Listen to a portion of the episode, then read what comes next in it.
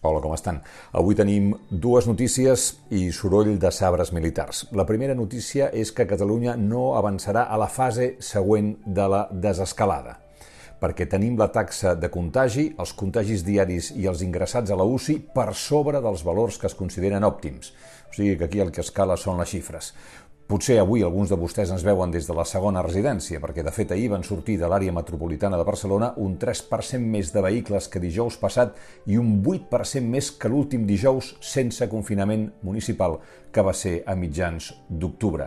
Que no passem de fase, tal com era de preveure, vol dir que tindrem 15 dies més de confinament de cap de setmana dins del límit del nostre propi municipi i que tampoc no s'ampliarà els aforaments del comerç, que ho estaven esperant, no cal dir-ho, de l'hostaleria, que ja havia obert, però ara li havien dit amb més ocupació, i les activitats culturals a partir de dilluns.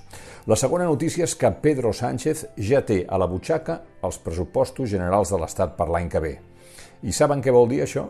Doncs que si PSOE i Podem volen aguantar junts, tindran els vots per seguir governant durant 4 anys d'Esquerra, del PNB i de EH Bildu donant-los suport. Això podria ser l'arraconament definitiu de Ciutadans. Són uns pressupostos amb rècord de despesa social en plena pandèmia i amb un important augment de la inversió per Catalunya respecte als últims que estaven vigents, que eren del 2008, del ministre Montoro del Partit Popular. Naturalment, això de la inversió a Catalunya s'ha de veure, perquè eh, cal que s'executi, que el truc ja ens el sabem.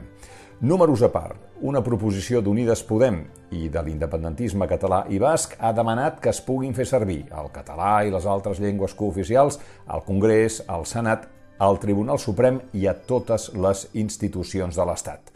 I aquí és on comença, si és que mai havia parat, el soroll de sabres que deien començar, eh, contra aquest govern d'esquerres amb suport de catalans, de grups catalans i bascos. Estaran al cas de la carta al rei Felip de Borbó que van enviar-li 73 militars retirats manifestant la seva preocupació per la deriva d'Espanya.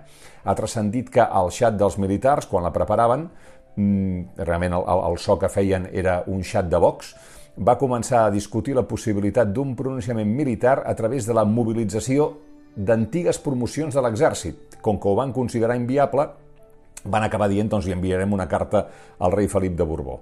Eh, és en aquest xat on es parlava de fusellar 26 milions de fills de puta textual. Aquest és el nivell de feixisme i de culpisme dels promotors i aquesta és l'Espanya en la que somien els que diuen defensar-la. El rei no ha contestat res, però aviat tindrà dues ocasions per fer-ho, el discurs de Nadal i sobretot el de la Pasqua Militar del dia 6 de gener.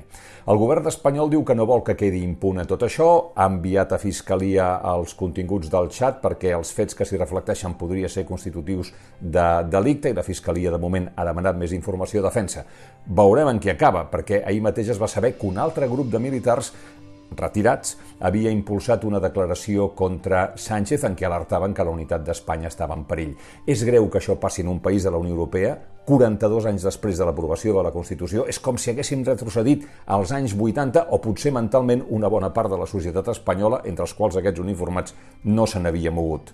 Veurem com aguanta el govern espanyol les pressions, perquè Dins del mateix PSOE no faltaran pressions perquè faci gestos i ja sabem a Espanya qui els acaba pagant els gestos. El nostre suport per tots els que treballen a primera línia de la Covid-19, un recordatori pels que pateixen, pels que la pateixen, pels presos polítics, pels exiliats i que tinguem un bon dia.